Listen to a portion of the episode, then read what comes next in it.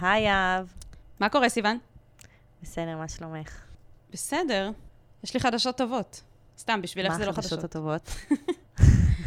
שיש לנו נותני חסות, ואנחנו עכשיו עשירות. מה זה כאילו עשירות? עשירות, אבל uh, צריך להתחיל מאיפשהו. זה מרגש אבל, כאילו אנחנו הופכות להיות כזה משהו. כן, לגמרי. אז החסות שלנו היא החנות סיקרט שי, שזה חנות בוטיק לאוהבים בבאר שבע.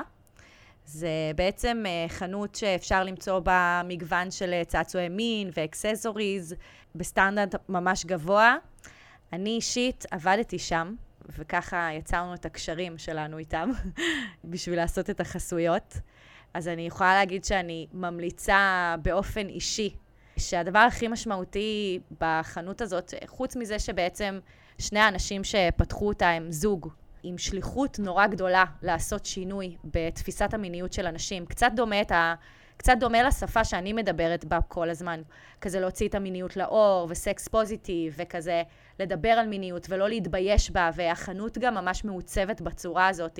כזה הכל לבן ומואר, והם לא מתביישים בזה, כזה יש זכוכיות אה, שמקיפות את החנות, וזה לא סגור מאחורי אה, חרוזים בחושך כזה.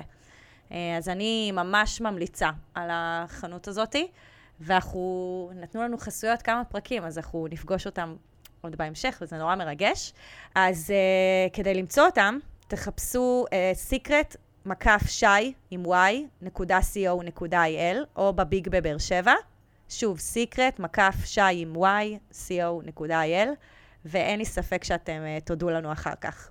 כן, ובנוסף לחסות המרגשת והראשונה שלנו ever, יש לנו גם disclaimer חשוב, שהיה לנו מאוד חשוב להביא. אנחנו בפרק 15 דיברנו על וירוס הפפילומה, והתפתח שם דיון, ואנחנו גם התייעצנו עם רופא, אבל יש לנו איזושהי שורה תחתונה שמאוד חשוב לנו להביא אליכם, אחרי שהתפרסם הפרק, וקיבלנו הרבה פידבק עליו, וכל מיני מחשבות והערות. אז יש לנו כמה דברים שממש ממש חשוב שזה מה שתבינו מהפרק הזה יותר מכל דבר אחר. נכון. אז באמת, שלושה דברים מרכזיים. אחד, זה שאנחנו לא יוצאות נגד חיסונים, היה חשוב שנבהיר את זה. המסר המרכזי היה שבכל מה שקשור לווירוסים ובכלל למחלות ובני אדם, אין לנו שליטה על הכל.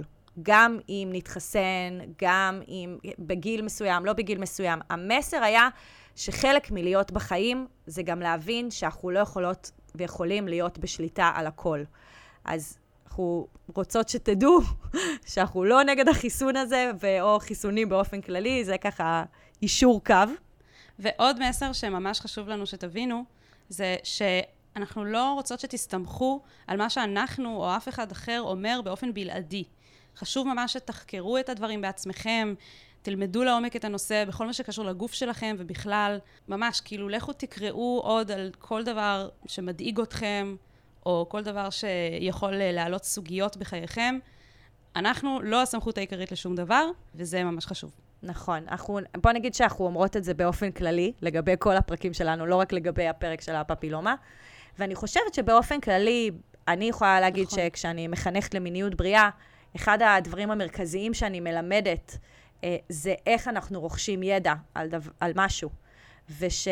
אנחנו צריכים להבין איזה מקורות הם uh, תקפים, מהימנים, מאיפה אני יכולה לשאוב את הידע שלי, מכמה מקורות. כלומר, חלק מרכישת ידע זה גם להיות ביקורתית ביחס לידע שאני מקבלת, וכל הזמן להפעיל עוד מנגנונים.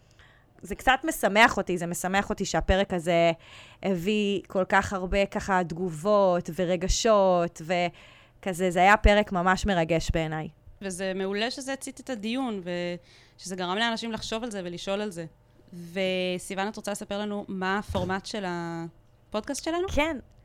אז uh, אנשים כותבים לנו בצורה אנונימית על הבעיות שלהם, הקשיים שלהם, ואז אנחנו נותנות להם עצות שוות, וכזה מכילות אותם, וכל מה שמסביב לזה, ואתם מקשיבים לזה, וכולם נהנים.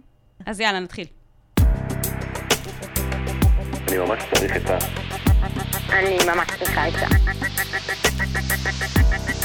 מה אני יכול לעשות במצב כזה?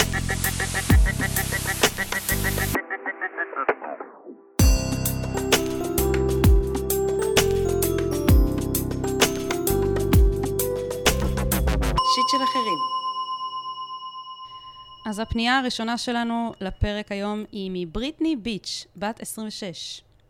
אני חייבת להגיד שבריטני מככבת בכמה וכמה מהפונות שלנו עד אין כה. על בריטני, מודל? לחיקוי. סתם. בעיקר בכל מה שנוגע לניהול חייה. בצורה נכונה. סתם, זה לא יפה שאנחנו צוחקות עליה. זה לא יפה לצחוק על uh, מתמודדי נפש. זאת האמת. אוקיי, אז בריטני ביץ', בת 26, שואלת. בכל פעם שאני מתחילה לצאת עם מישהו, יש דפוס שחוזר על עצמו. בהתחלה אני מאוד בעניין, רוצה, מחכה להודעות ונמשכת. באיזשהו שלב, כשהבחור כביכול בכיס הקטן שלי, במרכאות, והקשר מתחיל להיות יותר רציני, מתחילות הספקות הבלתי פוסקות. האם הוא מתאים לי? האם מספיק טוב לי איתו? כמובן שהשיפוטיות חוגגת, ואין יום שלא עובר בלי שאני מוצאת לפחות חיסרון אחד באותו בחור. אף פעם לא הייתי במערכת יחסים שהייתי שלמה איתה. זה מתסכל, מבאס ומפחיד. אני מרגישה שלעולם לא אהיה שלמה ומסופקת ממערכת היחסים שלי, לא משנה מי יהיה בן זוגי. האם כולם מרגישים ככה? מתי יודעים שזה זה?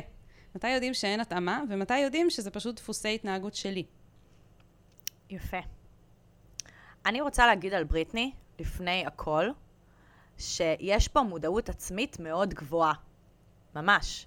זה שהיא יודעת להגיד בכלל דפוסים שיש לה, והיא לא נשאבת לזה, היא לא מספרת את זה כאיזה משהו שכזה, שהיא לא שמה לב שקורה לה. זה ממש מתנה גדולה לחיים, שהיא מזהה כבר את הדפוס הזה, ושעכשיו מפה אין לי ספק שהדפוס הזה יהפוך להיות פחות ופחות uh, משמעותי. כלומר, הוא, היא תשתפר בזה, כבר בזכות המודעות הזאת.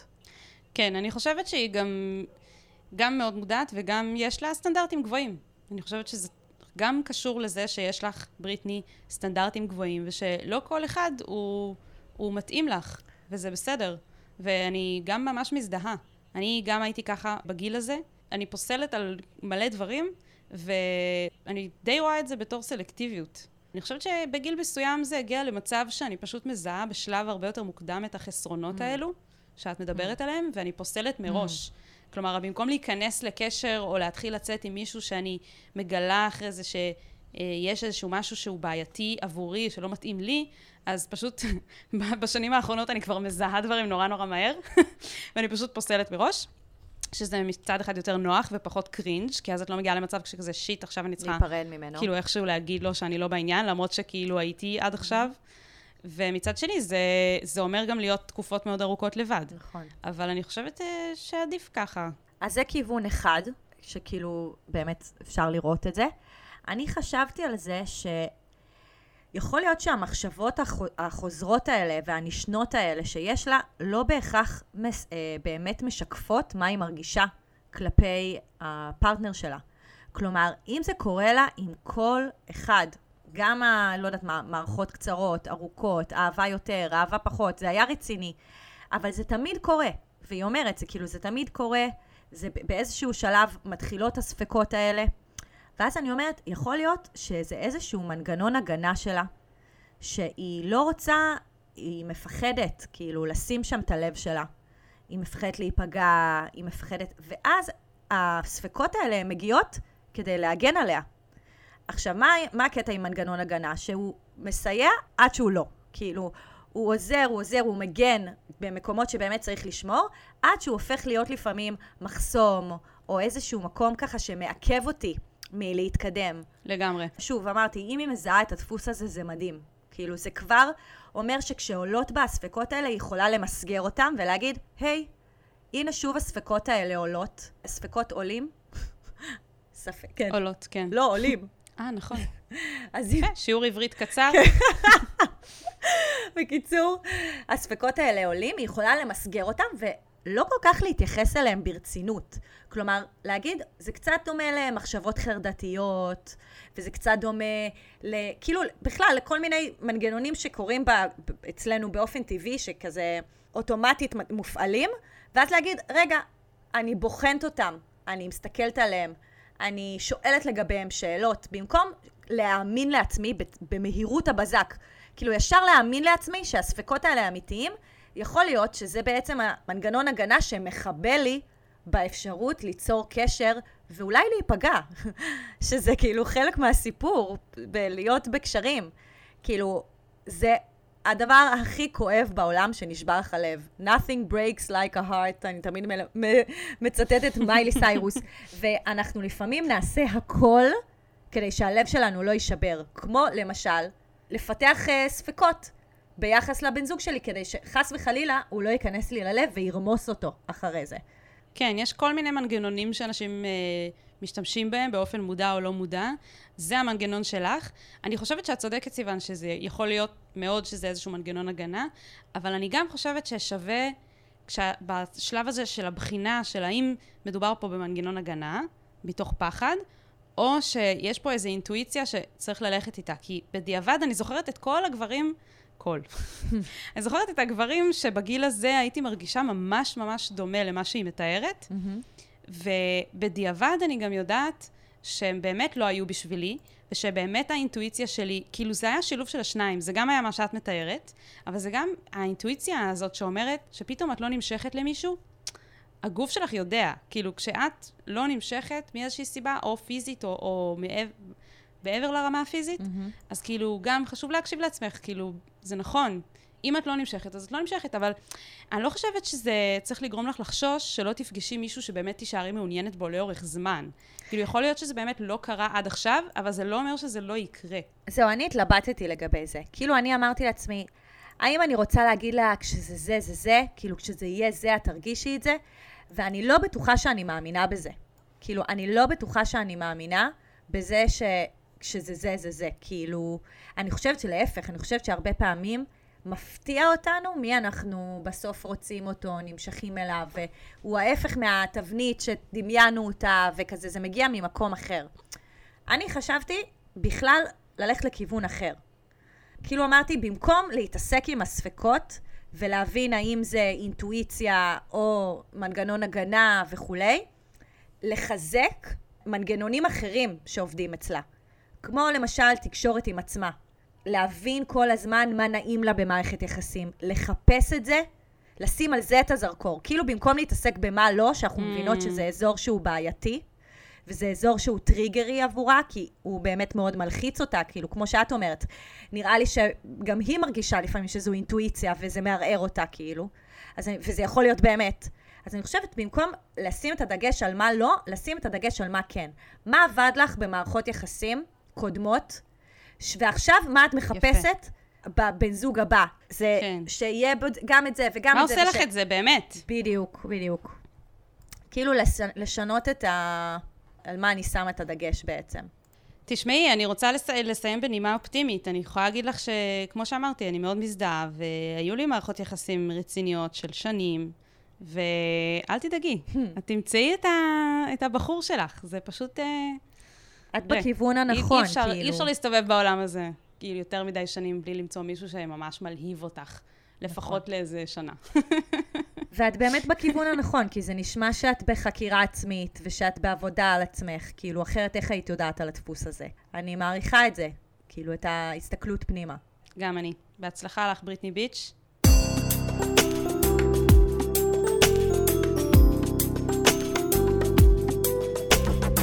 שיט של אחרים. ואנחנו עוברות למולן, בת 30. בחרת בשם טוב, אנחנו כבר בעדך. נכון. אז ככה, היא אומרת, הייתי בזוגיות של תשע שנים, שהפכה עם הזמן לאלימה. תמיד הייתה המון אהבה, ואיכשהו, כמו כל מי שנמצאת במערכות יחסים שכאלה, האשמתי את עצמי בכל אירוע אלים שהיה, והייתי מנפנפת אותו, ממשיכה הלאה מבלי להתעמק בו, אך עם פחדים בלב. ובינתיים קמלתי בתוכי. עשיתי טעות הגדולה בחיי, ובגדתי בו. הוא גילה, ויחסינו הסתיימו. לאחר תקופה קצרה הכרתי בחור חדש. אחד כזה שגיליתי שתמיד חיכיתי לו. שלא האמנתי שמגיע לי. ופחדתי לספר לו שאני, שכל כך השתדלתי להיות בן אדם טוב כל חיי, עשיתי מעשה שכזה. לא רציתי שיפחד שאבגוד בו ויברח. וכך אני היום, במערכת יחסים שכולה טוב, אך עם סוד גדול בלב. האם הדבר הנכון הוא לספר? אני חוששת שהוא לא יסתכל עליי אותו הדבר. ומצד שני, אני לא יכולה להמשיך להסתיר ממנו. דבר ראשון, אני רק רוצה למסור את ברכתי על זה שמצאת זוגיות שעושה לך כל כך טוב. כאילו, זה כל כך לא ברור מאליו, בעיקר אחרי מערכת יחסים של תשע שנים שהייתה פוגענית, ש... שהייתה אלימה, ועכשיו את אומרת שהגעת למשהו שעושה לך טוב, שלא האמנת ש, שזה מה שיגיע, אז קודם כל, בוא ניתן לזה כזה את, ה, את המקום שלו, כזה להוקיר את זה שזה לגמרי. קרה. זה נורא משמח. כן, אני, את רשמת, אה, לא האמנתי שמגיע לי, ואני חושבת שזה איזשהו דפוס שעוד קצת נשאר לך מהקשר הזה שהיית בתוכו, של לא להאמין שמגיע לך טוב יותר, אז קודם כל, כן מגיע לך טוב יותר, והנה עובדה, מצאת טוב יותר, אז כמו שסיוון אמרה, באמת כל הכבוד. אה, הרבה נשים שנמצאות בקשרים אלימים, הרבה פעמים נכנסות לאיזשהו לופ שקשה מאוד לצאת ממנו. כלומר, גם אם הן מצליחות לצאת מהקשר הספציפי הזה, אחר כך הם לא יאמינו שמגיע להם יותר טוב, והם ייכנסו לקשר עם עוד גבר אה, אלים או, או רעיל, כמו שדיברנו בפרקים הקודמים על גברים רעילים. אה, זה לא מובן מאליו, ובאמת מגיע לך להיות עם מישהו כמו שאת מתארת. כן. אני מודה שאני לא חושבת שזה סוף העולם שבגדת בבן זוג האלים, כי זאת בעצם לא הייתה בגידה כמו שאנחנו מציירים לנו בראש הרבה פעמים בהשפעת הוליווד, אלא זאת הייתה בגידה מתוך צורך בפתח מילוט. נשמע שאת היית צריכה איזו יציאת חירום, mm-hmm. וזאת הייתה היציאת חירום שלך. להיות בחמלה כלפי עצמך ביחס לבגידה הזאתי, כי נורא קל להיות נורא קשה, כי ברור שבגידה זה הדבר הכי מגונה בחברה שלנו, פחות או יותר, כאילו, במערכות יחסים, וממש יש על זה המון סנקציות שליליות, אני לא יודעת איך לבטא את זה. המון מטען. המון מטען, בדיוק. אבל אני חושבת שאת יודעת את הסיבה, את מבינה, את כתבת לנו, אח- אחרת לא היינו יודעות לשקף לך את זה, אם לא היית מביאה את זה אלינו בצורה הזאת. את יודעת שהדבר הזה קרה לא בגלל ש... שאתה בן אדם הכי חרא בעולם, ואת כאילו, וזה באמת לא נשמע ככה, זה נשמע שהיית ממש במצוקה. לגמרי. אני, יש לי ממש אה, תוכנית אה, פעולה שלמה לגבי הפנייה הזאת. אני חושבת שקודם כל מגיע לבחור הזה לדעת, כי כמו, ש, כמו שהוא ראוי לך, והוא באמת בחור טוב, והוא, והוא מתייחס אלייך ב, כמו שצריך, כמו שתיארת, מגיע לו לדעת. בעיקר כדי לבנות את האמון הזה, שאת מפחדת שילך לאיבוד ברגע שתספרי. כאילו, את חוששת שהוא ייבהל, שתבגדי גם בו, אבל אני חושבת שאם תגידי לו שחשוב לך לספר לו בגלל שאת לא רוצה להסתיר ממנו, הוא דווקא יסמוך עלייך עוד יותר. כאילו, ידע, אוקיי. היא לא רצתה להסתיר את זה ממני, למרות שתכלס היא יכלה להסתיר את זה ממני ושום דבר לא היה קורה.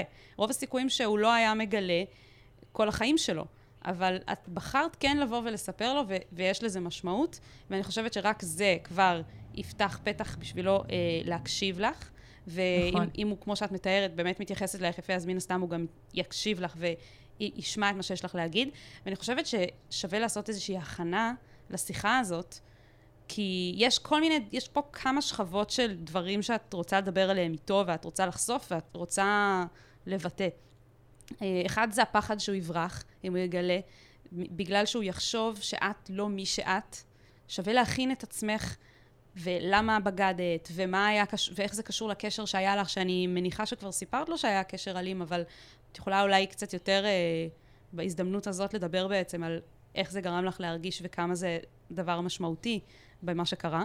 ואני ממליצה, כחלק מההכנה הזאת, לצפות בטד של אה, אסתר פרל בנושא בגידות. זהו, זה שונה. לא, היא אני, זה לא מדברת שזה על בגידות שונה. ממקום אחר.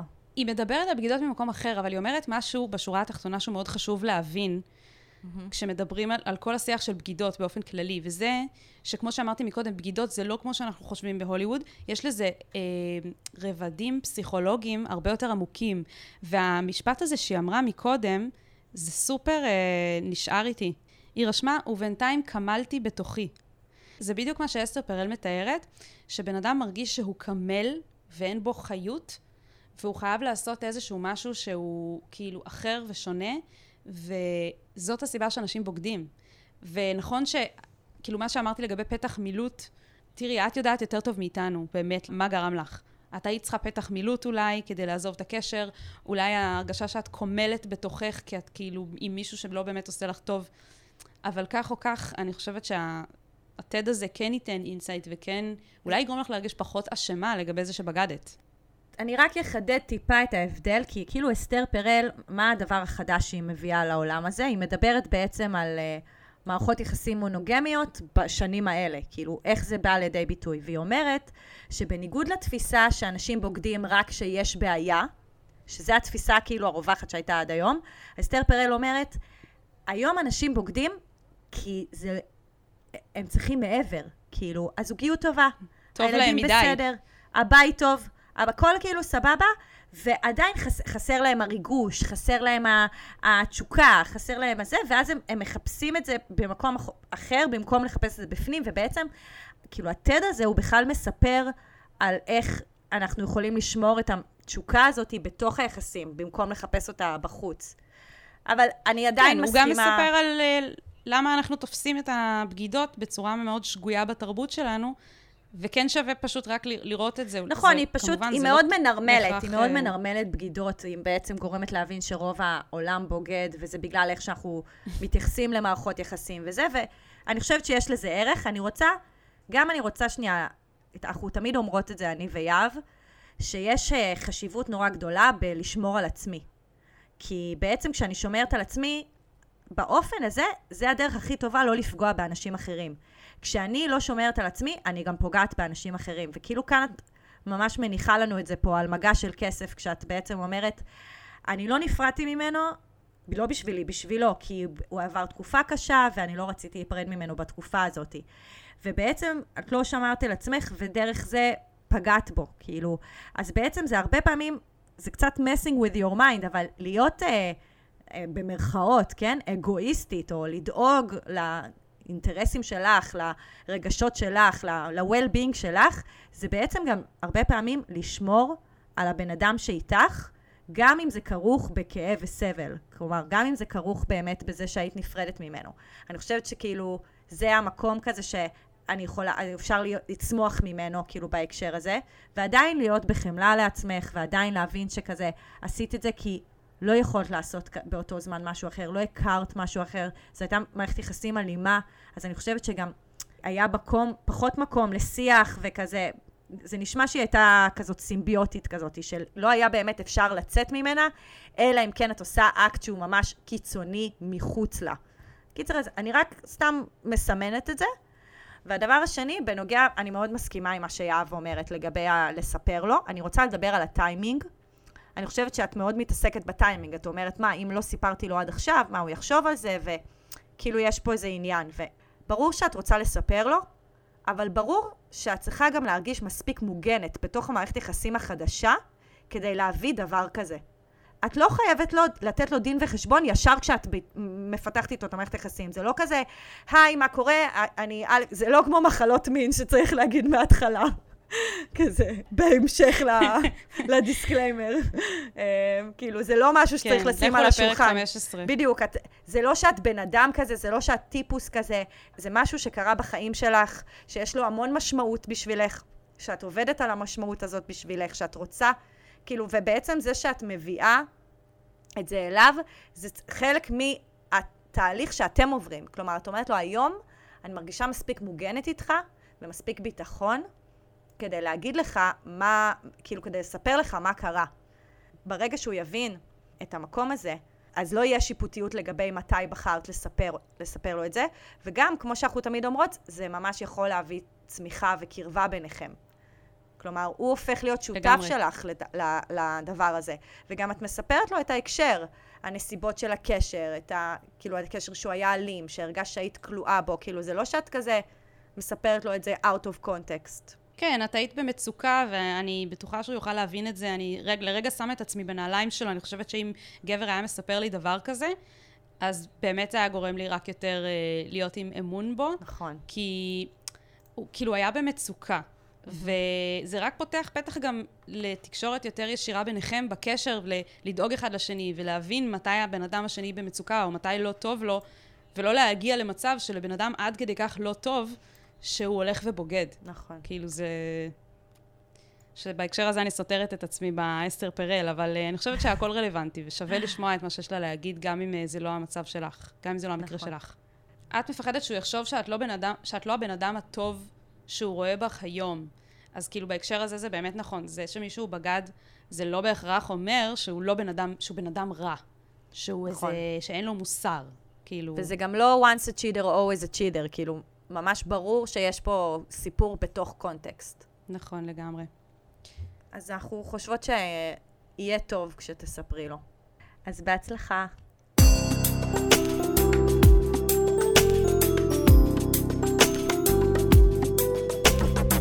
שיט של אחרים. טוב, אז אני ממשיכה עם אה, הרלי קווין, בת 28. אם בעל של מישהי, שאת מכירה די טוב כבר כמה שנים מהאינטרנט, פגש אותך במציאות באופן סופר אקראי וניסה לנשק אותך. מה את עושה? מספרת לה, לא מספרת? כאילו, במרכאות, כולה ניסה לנשק אותי. לא הייתי רוצה להפיל על זה עולמות. וגם החבר שלי, שהיה בזמנו, כעס עליו ממש, והייתי עסוקה שלא יפוצץ אותו מכות, כי הוא עשה את זה ממש לידו. דבר כזה, הייתן רוצות לשמוע על בעל חן בתור נשים נשואות? זאת אומרת, אני שוגה כשאני עוד לא מספרת לה? גם אם אנחנו רק מכירות באינטרנט, המצפון שלי מת כשאני רואה אותה עם בעלה. טוב, אני אתחיל מזה שקודם כל יכול להיות שהם ביחסים פתוחים ואת לא יודעת. אז בואו נניח, נשים את זה על השולחן. אז קודם כל יש פה אי ודאות שקשה מאוד אה, להתמודד איתה. זה דבר ראשון. עכשיו, באופן כללי, בהנחה שהם במונוגמיה, אני חושבת שזאת לא אחריותך לספר לה, אלא אם כן אתן ממש קרובות. כלומר, אני הייתי רוצה שחברה טובה תספר לי על דבר כזה, אבל סתם מישהי שאנחנו לא באמת קרובות, זה לא... אני, אני לא הייתי אה, כועסת שהיא יודעת דבר כזה והיא לא מספרת לי. בדיוק, יש פה סוגיה שהיא קצת יותר רחבה, אם נחשוב על זה, שזה העניין הזה של מה הגבול בין לשמור על האחר לבין להתערב לו בחיים. כשהדבר שעולה כאן זה מה סוג הקשר. כלומר, באיזה, באיזה קשר נדרש ממני ברור להתערב, ובאיזה קשר זה ייחשב כאילו אני כזה חטטנית.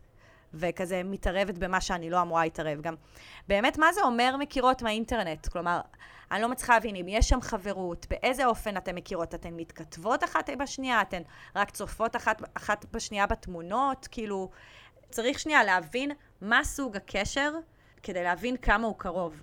אם זו הייתה מישהי שהיא באמת קרובה אלייך, אז לא הייתה כאן דילמה. כאילו, את היית מרגישה מחויבת אליה. וכשעולה הדילמה הזאת, אז באמת אה, צריך להבין מה טיב הקשר. יש גם אנשים שמעדיפים לא לדעת. את לא יודעת אם הם ביחסים פתוחים, את לא יודעת אם הם מעלימים עין אחד מהשני, זה גם קיים. כאילו אולי הם לא מספיק בוגרים כדי לשבת ולדבר על הדברים ולכתוב לעצמם אה, בגרשיים חוזה חדש, מה שנקרא. Mm-hmm. כאילו, אולי הם פשוט בוחרים שאת הסוגיה הזאת הם לא מדברים על זה ולא מתעסקים בזה, וזה הבחירה שלהם, זה לחיות את החיים ככה, אבל uh, אני גם חושבת שאם הם אכן לא ביחסים פתוחים, והוא פשוט ניסה לנשק אישה אחרת, שזה אגב נשמע כאילו הוא עשה את זה קצת בכוח, כי ניסה לנשק, זה לא נשמע לי בהסכמה נלהבת יותר מדי. ממש, וזה נשמע שהיא הייתה שם עם הבן זוג שלה. שלה. שעומד שם. כן, מה, לא ברור מה הלך כן. שם. אם זה הטייפ שאני מדמיינת שהוא, אז כנראה שאת לא היחידה. גם אם את כן היחידה, אני עדיין חושבת שלא הכל צריך ליפול על הכתפיים שלך, ואת מוזמנת לשחרר מזה. כאילו, אני, אני חושבת שבאופן כללי, יותר אנשים צריכים לאמץ את הגישה של מה ששלך שלך, כמאמר אופירה אסייג. אנשים עושים את ההחלטות שלהם בחיים, וזה בעיה שלהם, הם צריכים לחיות עם זה ולא את. כאילו, אין לך אחריות מוסרית בעיניי, אלא אם כן זה באמת מישהי שהיא ממש קרובה אלייך, כי כזה, אם אנשים בוחרים לבגוד בבני זוג שלהם, באמת, בעיה שלהם, זה לא בעיה שלי. כזה פרק כאילו- הבגידות הבינלאומי. ספיישל בגידות. כן. אני מרגישה שטיפה לא התייחסנו שנייה להרגשה שבה הרלי קווין נמצאת, התחושה הזאת שהיא שרויה. בה, שזה באמת תחושה ממש לא נעימה. נראה לי שיש פה ערבוב כזה של אשמה, שאת יודעת, מה את קשורה בכלל, כאילו, אבל יש פה איזושהי אשמה. גם אשמה שזה קרה לך, גם אשמה של האם אני מספרת או לא מספרת, ומה זה אומר עליי אם אני לא מספרת. אה, גם בלבול מאוד גדול, גם כזה אינטראקציה מאוד לא נעימה עם בן אדם, עם הבן זוג שהיה לך. כאילו, לא הייתי רוצה להתחלף איתך, זה באמת לא סיטואציה פשוטה להיות בה. כן, ואני חושבת שבגלל שגם קצת... אני לא הייתי אומרת שנעשה לך עוול, אבל זה, זה סיטואציה לא נעימה. איך מישהו נעשה הכניס לה אותך. לסיטואציה לא נעימה. ממש נעשה לה עוול. כן, אפשר להגיד שנעשה לה עוול, וזה לא... ואת לא צריכה להעסיק את עצמך בכלל עם מה אנשים אחרים חווים עכשיו. את צריכה לדאוג לעצמך, וזהו. ושהם מה- יעשו מה שהם מה את רוצים חושבת, לעשות עם החיים נגיד, על שלהם. זה שהיא תפנה לבעלה? תגיד לו כזה... ותדבר תקשיב, איתו כזה, כן, אחי, תגיד אתה דוש. תגיד לו, תשמע, זה היה ממש לא סבבה. אה, אני נשארתי עם תחושה מאוד לא נעימה, גם מאיך שהדבר הזה קרה, וגם מזה שאני מכירה את אשתך. אני לא יודעת מה טיב המערכת יחסים שלכם, אבל אה, אני מציעה לך לדבר איתה על זה. לא יודעת. כאילו, זה התערבות. כן, כזה, זה לא היה במקום. כן, זה לא היה במקום להעמיד שם גבול. זה מצד אחד התערבות, אבל מצד שני זה התערבות במקום שגם ככה היא מעורבת במרכאות. כאילו לה ול... לאשתו אין. כאילו, אין, אין מערכת יחסים, לפי מה שאנחנו מבינות, כן? כאילו, מכירות שנים מהאינטרנט. אני לא באמת אני לא מצליחה להבין מה זה אומר להכיר מישהו מהאינטרנט. אבל לגביו, נשמע שהייתה שם איזושהי אינטראקציה, שהיא יכולה, את יודעת, אפילו אם היא, היא כותבת את זה בטקסט, ואם חלילה, לא יודעת מה, אשתו יום אחד תופסת את זה ורואה, אז את יודעת, היא גם רואה, היא העמידה שם גבול, היא אמרה לו, זה לא היה לעניין, אני לא מקבלת את זה. לא יודעת, משהו כזה. אני חושבת שהיא צריכה לעשות את זה רק אם... אה, כאילו, רק אם היא מרגישה שהוא פגע בה באיזושהי צורה, כי הוא ניסה לנשק אותה בלי ההסכמה שלה, והוא חצה איזשהו גבול, וכל הק... כל ההקשר שלו עם uh, הבת זוג שלו, באמת, בעיה שלו, בעיה שלה. היא קודם כל, קודם כל צריכה להתעסק ב... בזה, ולשיקולה, אם היא רוצה, אם ממש דחוף לה לספ... כאילו, שהוא ידבר על זה עם אשתו או לא. כאילו, זה דילמה מוסרית. כאילו... בוא נגיד שזו דילמה מוסרית, לא עכשיו כאילו חיים ומוות, אבל זו דילמה מוסרית, וזה... זה, אני לא חושבת שאני ואת יכולות להכריע לגבי זה. אני חושבת שהיא צריכה לשאול את עצמה כל מיני שאלות כדי להבין מה, כאילו, כדי להבין מה ינחה אותה ביחס לזה. גם מה טיב הקשר איתו, איתה, סליחה, כאילו כמה היא מרגישה מחויבת לאותה אחת, גם כמה הדבר הזה ממשיך להטריד אותה ביום-יום. כלומר, אם עכשיו נכון. זה גוב, גורם לה, זה גובה ממנה מחיר, אז היא צריכה שזה לא יישאר אצלה. ואנחנו מקוות שזה לא יקרה לך שוב, כי זה מבאס. כן. מצטערות לשמוע שזה קרה לך, ומקוות שמה שתחליטי לעשות, אה, יהיה לזה רק השלכות טובות. נכון. אז רוצים שגם הפנייה שלכם תופיע בתוכנית שלנו? ברור. אז כנסו לקבוצת הפייסבוק שלנו, שיט של אחרים, עצות לחיים עצמם, ויש שם פוסט נעוץ. עם טופס אנונימי, שדרכו אתם יכולים לפנות אלינו ולשפוך את לבכם, ואנחנו נדאג אה, לתת לכם את התשובה הכי טובה שאנחנו יכולות. ואפשר גם בתוך הקבוצה הזאת להתייעץ עם חברים, לתת עצות, לשתף כל מיני דברים שעל לבכם. אז ממש מזמינות אתכם להצטרף לחגיגה. וזהו להיום. תודה, יהב. תודה, סיוון. אני ממש צריך את ה... אני ממש צריכה את זה. מה אני יכול לעשות במצב כזה?